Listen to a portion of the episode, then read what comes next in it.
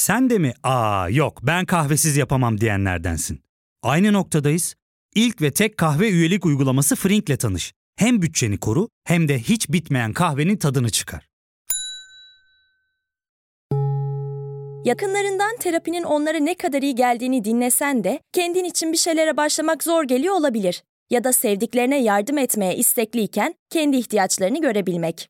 Hayvel, uzman psikologlarıyla kendi ihtiyaçlarını bulmanda sana destek olacak. Terapi yolculuğuna başlamak için detaylı bilgi bölümün açıklamalarında. İki gün önce Fethiye'deki rock festivali, bir hafta önce Zeytinli Rock Festivali yasaklandı.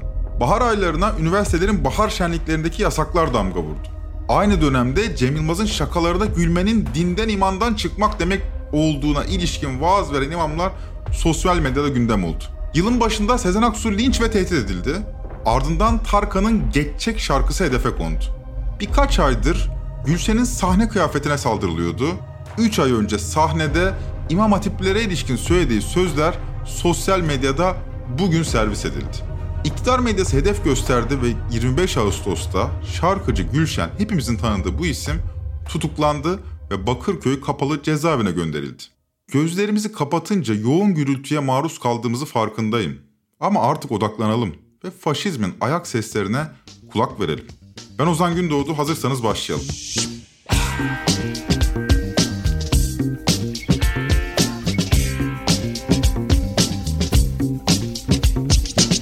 Faşizm üzerine çalışan İtalyan yazar Umberto Eco, 21. yüzyıl insanının en büyük yanılgısının faşizmin tekrar Nazi üniformasıyla geleceğini sanmasıdır diyor. Faşizm nasıl ki 1929 büyük buhranın ardından geldiyse bugün de tüm dünyada 21. yüzyıla özgü yorumuyla yükseliyor. 2008 küresel finans krizinden yeni bir paradigma ile çıkamayan küresel kapitalizm dünyanın her yerinde yeni sağcı liderlerin hortlamasına neden oluyor. Korku ve endişe içindeki geniş halk kesimleri faşizm tarafından manipüle ediliyor. 20. yüzyılın en büyük düşünürlerinden biri olarak gösterilen Karl Polanyi'nin ifadesiyle eşitsizliğin sert şekilde derinleşmesi halkların önüne bir yol ayrımı çıkartıyor. Ya sosyal reform ya da faşizm. Korku kolayca manipüle edilebilen bir duygu. Korkuyla baskılanan kitlesel duygu durumu içinde nefret kampanyaları çok kolay organize edilebiliyor. Bazen öylece izlediğimiz filmler bile bizlere bu geçişkenliği anlatmıyor mu? Star Wars'un ikonik karakteri Usta Yoda'ya kulak verelim. Daha sonra kötülerin lordu Darth Vader'a dönüşecek olan genç Anakin Skywalker'ı görünce şöyle diyor Master Yoda. Korktun mu? Hayır. Görebiliyoruz içini. Ne hissettiğini düşün. Duyguların annene yönelik. Onu özlüyorum. Hı? Onu kaybetmek mi korkun? Hı? Başka şeylerle ne ilgisi var bunun? Pek çok var. Korku karanlık tarafın yolu. Korku öfke olur, öfkede nefret. Nefret acıyı getirir. İçin korkuyla dolu senin. Bilmeyenler için ufak bir özet. Annesini kaybetme korkusuyla çırpınan küçük Anakin Skywalker'ın bu korkusu onu Darth Vader adında bir karanlıklar lorduna çevirecek kapıyı aralayacaktır. Yani korkuyla başlayan süreç günün sonunda büyük bir nefrete dönüşüyor. Faşizm cesur gibi görünen bir ideolojidir ama çelişkili biçimde korkudan beslenir. Topluma sinen korkuyu manipüle eder ve bu korku üzerinden nefret kampanyaları organize eder. Korkunun hakiki bir referansı bulunur. Ama bu hakikatin mutlaka ama mutlaka eğilip bükülmesi gerekir. Anakin Skywalker'ın annesi için endişelenmesi haklı bir kaygıdır. Ama bu kaygı onun bilincinin kolayca manipüle edilmesine neden olabilir. Faşizm ille de kurumsallaşmak zorunda da değildir. O yüzden ille de Nazi üniformalarına ihtiyaç duymaz Umberto Eco'nun dediği gibi. Hatta çoğu zaman faşizm kendini açık etmez. Çok çeşitli formlarda karşımıza çıkabilir. Fakat hakikat şu, faşizm gökten zembille inmez. Toplumsal olarak arzu edilir. Onu arzu eden bir toplumsal yapıya ihtiyaç duyar. Korku ve endişe dolu bir toplum faşizm virüsünün üremesi için verimli bir ortam yaratır. Ekonomik kriz ortamları da bu ortamlar için bu söz konusu virüsün büyümesi için biçilmiş kaftandır. Böyle bir toplumsal dokuda nefret kampanyaları kolaylıkla alıcı bulmaya başlar. Çok basit ve güncel bir örnek sokak köpekleri. Gerçek bir sorun alanı olarak karşımızda duruyor. Bazı bölgelerde çeteleşmiş haldeler, kimi zaman insanlara saldırıyorlar. Hepsi mi? Hepsi tabii ki değil. Sokak köpeklerinin büyük çoğunluğu insanlarla uyum içinde yaşıyor. Esnaf tarafından besleniyor ve bu on yıllardır böyle. Ancak mutlaka takip ediyorsunuz, sokak köpekleri üzerinden bile bir nefret kampanyası organize edilebiliyor son zamanlarda. Ortada bir sorun varken ve biz kamusal bir tartışma içinde en uygun çözümünü aramamız gerekirken hayvanseverlere köpek taparlar, itperestler diye hakaret edilebiliyor. Hayvanseverler de bu dile benzer cevaplar verince kıyamet kopuyor. Normalde oturup sorunu ve en sağlıklı çözümü konuşması gereken kamuoyu akıl dışı bir kavgaya tutuşuyor. Tartışma zemini yok ediliyor. Sonuç, sosyal medyada üreyen bir nefret kampanyası örgütleniyor, köpeklere zehirli mamalar bırakan onlarca haber düşüyor ekranlarımıza. Bir köpeği öldürmek. Bunun üzerine düşünmek gerekir belki de. Bu kişi o andan itibaren temiz mi kalıyor? Korkuyla başlayan, sonra nefrete ve sonra acıya dönüşen süreç insanı kirletiyor. Özlem Gürses'in adli tıp uzmanı Sevil Atasoy'la yıllar önce yaptığı bir söyleşiden bir kesit dinleyelim. Gene siz söylemiştiniz benim bir yayınımda. Hayvana işkence eden insanların seri katil olma Doğru, tabii. potansiyeliyle e, doğrudan ilişki oldu. Evet var. Evet her ne kadar hayvana fena muamele eden sonunda adam öldürür diye böyle bir nedensellik ilişkisi kuramazsak kadar doğrudan da ama kuramasak. tersi var. Yani her insana kıyanın geçmişinde bir, Bir hayvana- hayvana şiddet var. Seri katillerin istisnasız hemen hepsinde var. Faşizm hakikati büküyor. Sokaklardaki tüm köpeklerin insanlara saldıracak canavarlar olduğunu iddia ediyor. Korkuyu böylece toplumsallaştırıyor. Toplumu bir nefret kampanyasına hazır hale getirmeye çalışıyor. İlle de yukarıdan aşağı örgütlenmek zorunda değil. Toplum bazen aşağıdan yukarıya bir irin gibi akıtıyor nefretini. Hakikatten bağı tümüyle kopuk mu? Hayır. İnsanlara hatta çocuklara saldıran köpekler var mı? Evet var. Ama çare olarak birkaç milyon köpeğin itlaf edilmesini savunan radikal bir grup bu ortamda yürüyebiliyor. Başka çözümler olmasına rağmen. Ve köpekler bir bir zehirleniyor, öldürülüyor, bazen kurşunlanıyor, asılanlar var vesaire vesaire. Bölümün başında gözlerimizi kapatalım ve faşizmin ayak seslerine odaklanalım demiştim. Bir bebeğin köpek kurşunlayacağını düşünmeyiz değil mi? Ya da bir oteli ateşe vereceğini ya da bir yazarı sırtından vuracağını. O bebek hayatı boyunca ne hale geliyor? Toplum onu ne hale getiriyor? Bu karanlığı bugün daha net gözlüyoruz. Hrant Dink'in eşi Raquel Dink ne güzel aykırıyordu değil mi? Bugün derinliklerin ışığa yükseldiği günün başlangıcıdır. Yaşı kaç olursa olsun, katil kim olursa olsun, bir zamanlar bebek olduklarını biliyorum. Bir bebekten bir katil yaratan karanlığı sorgulamadan hiçbir şey yapılamaz kardeşlerim. Bir bebekten bir katil yaratan karanlığı sorgulamadan hiçbir şey yapılamaz kardeşlerim. Böyle diyordu. Bazen eşcinsellere, bazen azınlıklara, bazen sokak köpeklerine, bazen dini gruplara, bazen seküler gruplara dönük nefret kampanyalarının içine hapsolan bilinç gücünü korkudan alıyor. Ekonomik olarak sarsılıyoruz. Hepimizin geleceği endişelerle dolu. 2021 yılında Türkiye'de ilk kez antidepresan kullanımı 50 milyon kutuyu geçti. Her yıl yayınlanan Gallup küresel duygu raporunun ilk bu yılki verilerine göre Türkiye dünyada en öfkeli dördüncü ülke. Geçen yıl altıncıymışız. Bir yılda iki basamak birden yükselmişiz. Yani ilk üçte kim var derseniz ilk üçte sırasıyla Afganistan, Lübnan ve Venezuela var. İlkinde Taliban var. Diğer ikisinde de ise benzersiz bir ekonomik kriz. Eğer bu kadar öfkeliysek aynı oranda da endişeliyiz demek doğru olur sanırım. Endişemizin kaynağı büyük oranda ekonomik. Bu gerçek bir veri. Her geçen gün geleceğimizden daha fazla endişe hale geliyoruz. Fakat bu endişe iklimi içinde nefret objeleri bulmakta zorlanmıyoruz. Bazen eşcinseller, bazen azınlıklar, bazen etnik gruplar, bazen beğenmediğiniz bir siyasi partinin seçmenleri, belki sığınmacılar, hatta sokak köpekleri. 140 Jono'nun dosyasının ismi bu durumu ortaya koyuyor. Ne o dosyanın adı? Herkes çok gergin. Hani milleti bilinçlendirmek istiyorsak e, İsrail'in nasıl kurulduğuna baksınlar. Şu an Türkiye'nin içinde farklı bir... 70 senedir CHP iktidarda değil. Değil. Ha, şuna bak. Bir dakika. Şimdi altı parti bir araya geldi doğru mu? Geldi. Senin şu anda Cumhurbaşkanı adayı belli yandan oldu. şeylere sattılar burayı şu beyaz giyenler var ya. Bizimkiler boş yapıyor çocuklarımız. Köprü yapmışsın, yol yapmışsın değil mi? Buraya kadar faşizmi çağırmaya hazır bir toplumsal yapımız olduğunu ortaya koymaya çalıştım. Fakat konumuz Gülşen'di ne ara buraya geldin diye soranlarınız olacaktır. Anlatayım. Faşizm aşağıdan yukarı organize edilmez.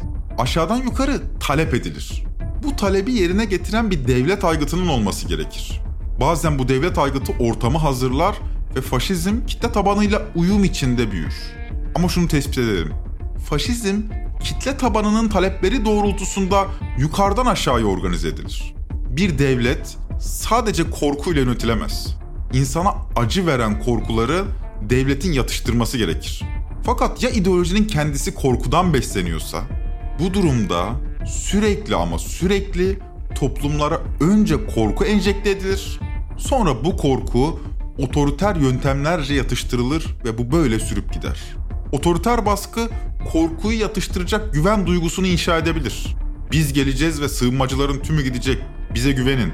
Gerekirse zorla. İşte korkularımı teskin eden bir güven duygusu. Peki nasıl? Hangi maliyetle? Bu sorulara esaslı cevaplar arayanlar kolayca düşmanlaştırılabilir. Endişe içinde yaşarken bu soruların zamanı mı?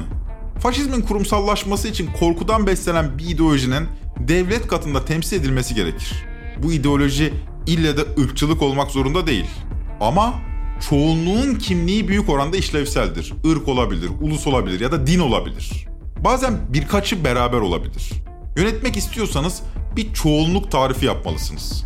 Çoğunluğu önce korkutup sonra güven vermek faşizmin tipik yöntemlerinden biridir. Bizim memleketin önemli sosyologlarından genç yaşta aramızdan ayrılan Ulus Baker'in 1998 yılında yaptığı bir konuşmaya götüreyim sizi. O zaman bütün siyaset felsefesi zaten bunun üzerinde kuruluyor. Pasif duygu nedir? Mesela korku. Ama Spinoza biliyor ki salt korkuyla herhangi bir devlet ayakta tutulamaz. Neye başvurması gerekir? Mesela güven duygusuna. Güven vermesi gerekir tebaalarına. Ya da diyelim ki korkunun tersi olan umut, ütopyalar. Umut duygusuna hitap etmesi gerekir. Machiavelli zaten bunları incelediydi. Yani Spinoza'dan önce. Hangi duyguların bir hükümdar tarafından üretilmesi gerektiğini tebaalardı. Ortada yukarıdan aşağı örgütlenen, tebaanın korkusundan beslenen bir ideoloji var. Bu ideoloji bizim memlekette büyük oranda dini referanslı. Kitle tabanı da var. Aşağıdan yukarı talep ediliyor, yukarıdan aşağı organize ediliyor. Bu sırada çatlak sesler güven duygusuna zarar verdiği için hain ilan edilebiliyor. Bunca korkunun, bunca endişenin içinde güven duygusunu aşılayan liderin işini kolaylaştırmak varken zorlaştıran muhalefet hain değilse nedir? Ya fark ettin mi? Biz en çok kahveye para harcıyoruz. Yok abi, bundan sonra günde bir. Aa, sen Frink kullanmıyor musun? Nasıl yani? Yani kahvenden kısmına gerek yok. Frink'e üye olursan aylık sadece 1200 TL'ye istediğin çeşit kahveyi istediğin kadar içebilirsin. Günlük 40 TL'ye sınırsız kahve mi yani? Çok iyiymiş. Aynen. Hatta şu anda 200 TL'lik bir indirim kodu da var. E hadi hemen indirip üye ol da bu fırsatı kaçırma. Terapiye başlamak, içinden çıkamadığın döngüleri kırmak, bazı yanlış bulduğun kararlarını değiştirmek ve kendinle beraber daha huzurlu bir yaşam inşa etmek için atabileceğin en değerli adımlardan biri. Hayvel ile yoğun yaşam tempona uyum sağlayarak online terapi seanslarını takvimine göre ayarlayabilirsin. Bini aşkın uzmandan sana en uygun terapisti seçebilir, podb10 koduyla indirimden yararlanabilirsin. Detaylı bilgi açıklamalardaki bağlantıda. Başta da söylediğimiz gibi bu korkunun maddi dayanakları var. Mesela 15 Temmuz 2016'da yaşadığımız şok ve travma. Öncesinde yaşanan terör saldırıları. Devamında ekonomik kriz. Ciddi bir güvenlik endişesini sürekli hale getirmek toplumun korkusunu da sürekli hale getiriyor. Fakat Naomi Klein'in Şok Doktrini kitabında incelediğine benzer bir tabloyla karşı karşıyayız. Daha önce Şili'de Pinochet döneminde, İngiltere'de Thatcher döneminde, Sovyetler dağıldıktan sonra Rusya'da bir şoka, bir travmaya maruz bırakılan toplumlara toplumların daha önce hiç arzu etmediği ideolojiler enjekte edilebiliyor. 10 yıl önce hayal bile etmediğimiz noktadaysak bu dediklerim az şey değil bence. Bu yılın başında Sezen Aksu linç edilmişti hatırlarsınız. Evinin önünde kendilerine Milli Beka Hareketi adını veren kalabalığın yaptığı basın açıklamasından küçük bir kesit dinleyelim. Basit gibi gelebilir ama faşizmin kitle ruhu anlayışını yansıttığı için sembolik görüyorum. Değerli basın mensupları, kıymetli kardeşlerim, vatanı için, milleti için, devleti için, bayrağı için nasıl ki 15 Temmuz'da varlığını Türk varlığına armağan ettiyse bugün de yarın da bu ülkenin milli bekası için varlığını gözünü kırpmadan feda ve armağan etmeye hazır bu ülkenin yiğit insanları. Hepinizi saygıyla selamlıyorum. Bugün burada toplanmamızın sebebi Sezen Aksu'nun yazmış olduğu bir şarkının içinde geçen Selam söyleyin o cahil Adem ile Havva'ya sözlerine tepki vermek. Sezen Aksu'nun şarkısı yeni miydi? Hayır. Peki neden şimdi bilincin konusu olmuştu? Çünkü böyle bilince hazır bir toplumsal yapı için gerek şartlar oluşmuştu. Bu şartlar sadece yeterli değil, gerekliydi. Bu şartların mütemmim cüzü bu linci destekleyecek bir ideoloji ve devletti. Onlar da artık vardı. Adına Osmanlıcılık diyebilirsiniz, İslamcılık diyebilirsiniz. Fark etmez. Üstelik toplumsal yaşayışı düzenleyen kurallar yani hukuk keyfi biçimde tasfiye edilebiliyordu. Bu ortamda hukukun ne dediği değil, korku ve nefret belirliyor mahkemelerin kararlarını. Selahattin Demirtaş'ın davasındaki hukuksuzlukla ilgili mi konuştunuz? O zaman teröristsiniz. Aysel Tuğluk ağır bir demans hastası savunma yapamıyor. Bu insan haklarına aykırı mı dediniz? Sanırım bölücüsünüz. Osman Kavala mı dediniz? O halde Sorosçusunuz. Peki bunları geçtik. Sendika grev toplu sözleşme mi dediniz? Devleti kötülemeyin kardeşim. Nankörlük etmeyin. Arkadaşlar yani şu yaptığınız şeyler çok yanlış. Yani bir yerde çalışıyorsunuz nankörlük yapmayın. Çalışıyorsunuz nankörlük yapmayın. Son zamanlarda Gülşen de bu korkuların üzerine belki de farkında olmadan giden şarkıcılardan biri oldu. Sahne kıyafetleri tartışılmaya başlandı. Muhafazakar halk kesimlerine ulaşan iktidar medyası Gülşen'in kıyafetleri üzerinden nefret kampanyaları örgütledi. Sadece bu da değil. Konserlerinde LGBT'yi bayrağı da açıyordu Gülşen. Fakat bu esnada iktidar medyasında aile saldırı altında, ailemize saldırıyorlar propagandası yapıldığından haberdar mıydı acaba? Mesela Yeni Akit gazetesinden Hacı Yakışıklı 12 Ağustos'ta şöyle yazmış Gülşen hakkında. Gülşen isimli kişi sanatçı değildir. Konser vermiyor, adeta propaganda yapıyor. LGBT propagandasını yapanlar mukaddesat düşmanıdır. Tarkan sanatçı değildir.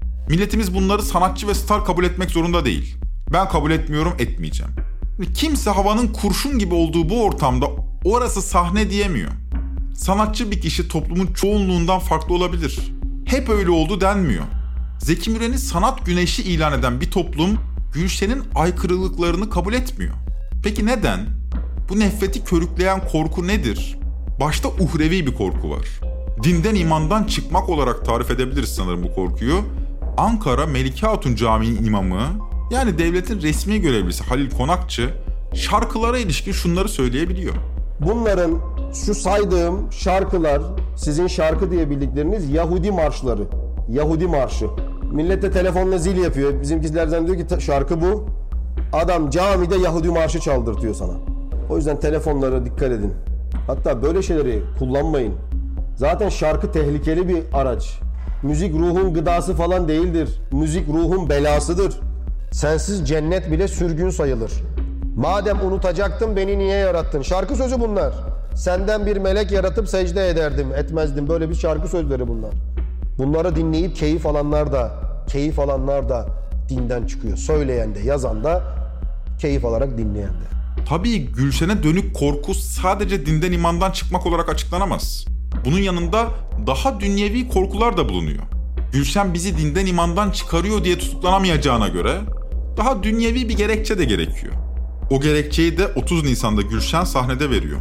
Davulcusuna şaka yolu takılan Gülşen şunları söylüyor. İmam Hatip'te okumuş daha önce kendisi. Sapıklığı oradan geliyor falan. Gülşen son aylarda birçok kez lincin konusu olmasaydı sahnede 30 Nisan'daki bu konuşması da sosyal medyada gündem olmayacaktı.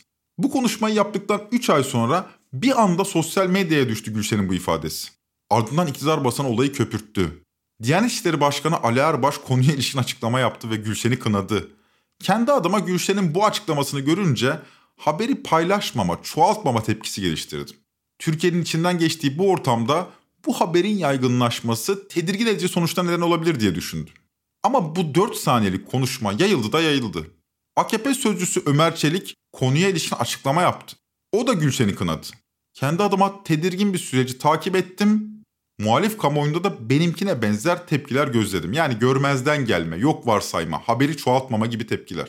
Ama 25 Ağustos'ta Gülşen hakkında gözaltı kararı çıkarıldığında çanlar çalmaya başlamıştı artık. Fransız yazar Roland Barthes'in meşhur bir sözü var. Faşizm konuşma yasağı değil, söyleme mecburiyetidir diyor. Gülşen'in gözaltına alınması olacak şey değildi. Karara tepki geliştirenler önce Gülşen'in sözlerini kınama zorunluluğu hissettiler.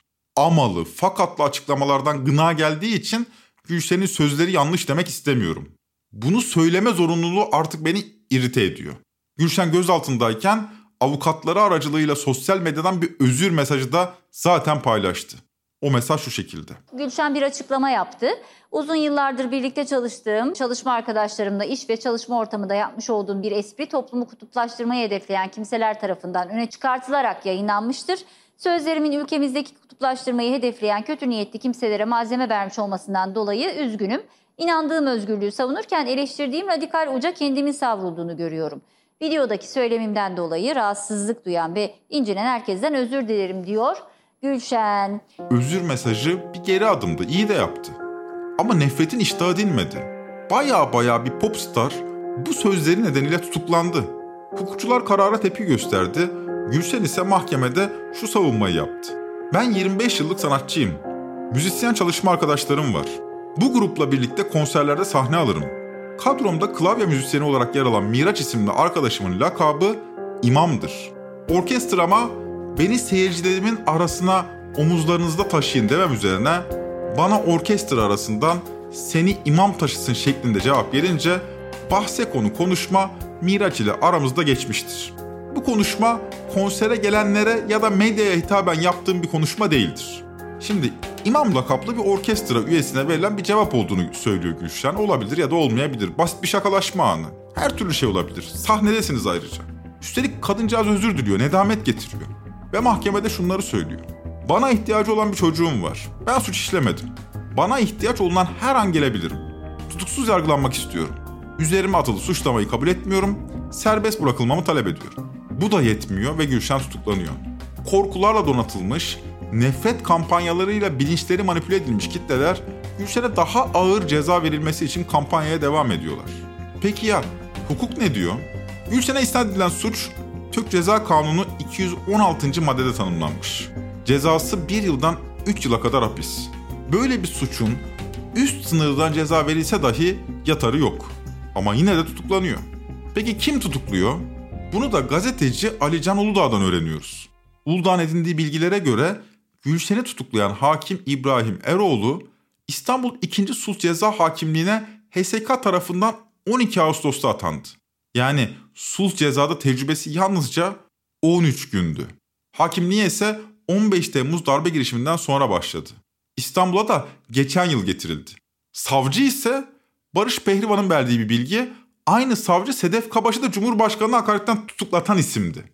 Gülşen'i sevmiyorlar, Gülşen'i ahlaksız buluyorlar. Bunların hepsi olabilir. Ama bir nefret kampanyasıyla hukuksuz biçimde Gülşen'in tutuklanmasına neden olabiliyorlar. İşte burada aşağıdan yukarıya talep edilen, daha sonra yukarıdan aşağıya organize edilen bir faşist mekanizmayla karşı karşıya kalıyoruz. Tutuklanma taleplerinde seçici bir mekanizma bu. Mesela Ebu Bekir Sifil'in 2019'da sarf ettiği şu sözler din adı altında ifade özgürlüğü kapsamında değerlendirilebiliyor. Bir adam var çok laubali davranıyor. Efendim aslında namazın önemini biliyor. Kılmaması için herhangi bir meşru mazereti yok. Yani eli sağlam ayağı sağlam suya kavuşmuş. Abdest alma sıkıntısı yok. Namaz kılma sıkıntısı yok. Vakit sıkıntısı yok vesaire. Bu adam keyfi olarak namazı sürekli biçimde aksatıyorsa hazir cezasına çarptırılır. Çağrılır, azarlanır, çağrılır, tekdir edilir, çağrılır, dövülür. Devam ederse taziren öldürülebilir. Empati gelişmiş bir aklın eseridir derler. Empatik bir toplum ancak demokratik bir toplum olabilir. Daha müreffeh olabilir.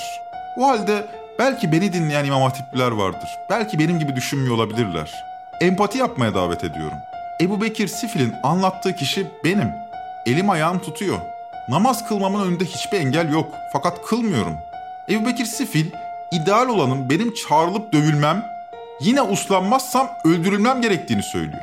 Çünkü Sifil'in dini olarak yorumladığı ideolojisi bunu emrediyor. Peki ya benim güvenliğim? Beni kim koruyacak? İşte burada demokrasi hukuk dairesinin dışına çıkıp İslamcı bir faşist rejimin kapısını çalıyoruz. Bu kapı açılacak mı? Belli ki açmak isteyen güçler var. Dahası bu kapının açılmasını isteyen faşizmin kitle tabanı da var. Ama enseyi karartmalı mı? Hiç gerek yok. Gülşen'in tutuklanmasının ardından yaşananlar umutlu olmamız gerektiğine ilişkin de fikir verdi. Gelin Gülşen'in tutuklandığı saatlerde Fenerbahçe'nin stadyumunda oynanan maça gidelim.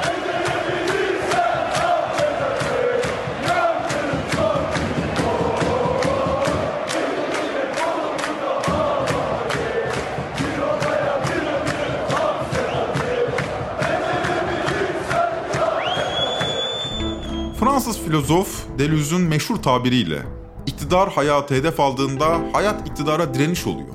İktidar artık toplumsal rıza üretemeyince giderek zora yaslanıyor. Ancak zora yaslandıkça razı olmayanların öfkesini büyütüyor. Belki sayısını büyütmüyor ama öfkesini büyütüyor. Büyüttüğü öfkeden tedirgin olan iktidar temsilcileri de var. Mesela AKP MKYK üyesi Şamil Tayyar, Gülşen tutuklandıktan sonra şunu yazmış Twitter'a. Gülşen'e tek ses tepi gösterenlerin tutuklamada ayrışmaları kararın vicdanlarda tam karşılık bulmadığını gösteriyor. Suç ve ceza arasında doğru orantı kurulmadığında doğal sonuç budur. Kaş yaparken göz çıparmak böyle bir şey olsa gerek. Buna benzer tepkiler de gözlemleyebiliyoruz. Yani fazla ileri gidiyoruzcu bir damar olduğu ortada. Artık daha fazla rıza üretemediklerini görenler de var. Peki görmeyenler? Onlar oldukça tedirgin ve korkuyorlar. İktidar olanıkları gittikten sonra büyük bir toplumsal lince maruz kalmaktan korkuyorlar. Korkuları nefrete, nefretleri acıya dönüşüyor. Hiç böyle bir linç ihtimali olmasa bile bu linç ihtimalini öyle büyük bir öfke kampanyasıyla yönetiyorlar ki acı içinde saldırıyorlar. Kendileri dışındaki kimse nefes dahi almasın istiyorlar. Ve Usta Yoda'nın Anakin Skywalker'a dediği gibi karanlık tarafa geçiyorlar. Faşizmin kapısını açıyorlar. İlginç günlerden geçiyoruz. Faşizmin ayak sesleri normal şartlarda büyük bir toplumsal muhalefet ortaya çıkınca duyulurdu. İktidar koltuğunun sarsıldığını gören egemenler faşistleri çağırırdı yardıma. Bu tarihte hep böyle oldu. Ama Türkiye'de büyük bir toplumsal muhalefet olmamasına rağmen faşizmin kapısı çalınmaya başladı. Dolayısıyla faşizme karşı bir toplumsal muhalefet bloğu yükselmiyor, bir demokrasi bilinci de yükselmiyor.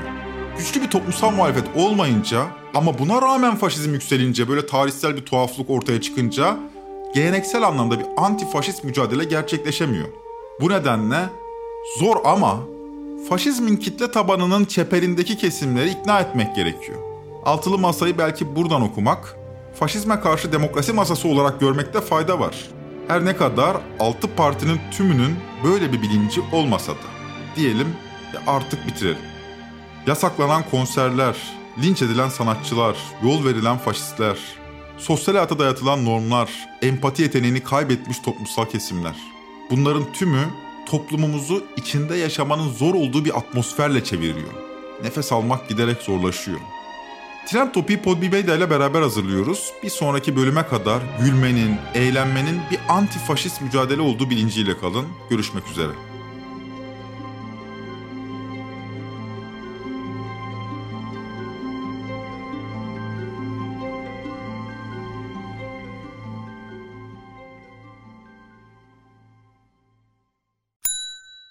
İlk ve tek kahve üyelik uygulaması Frink, 46 ildeki 500'den fazla noktada seni bekliyor. Açıklamadaki kodu girerek sana özel 200 TL'lik indirimden faydalanmayı unutma. Hadi sen de Frink üyeliğini başlat, kahven hiç bitmesin.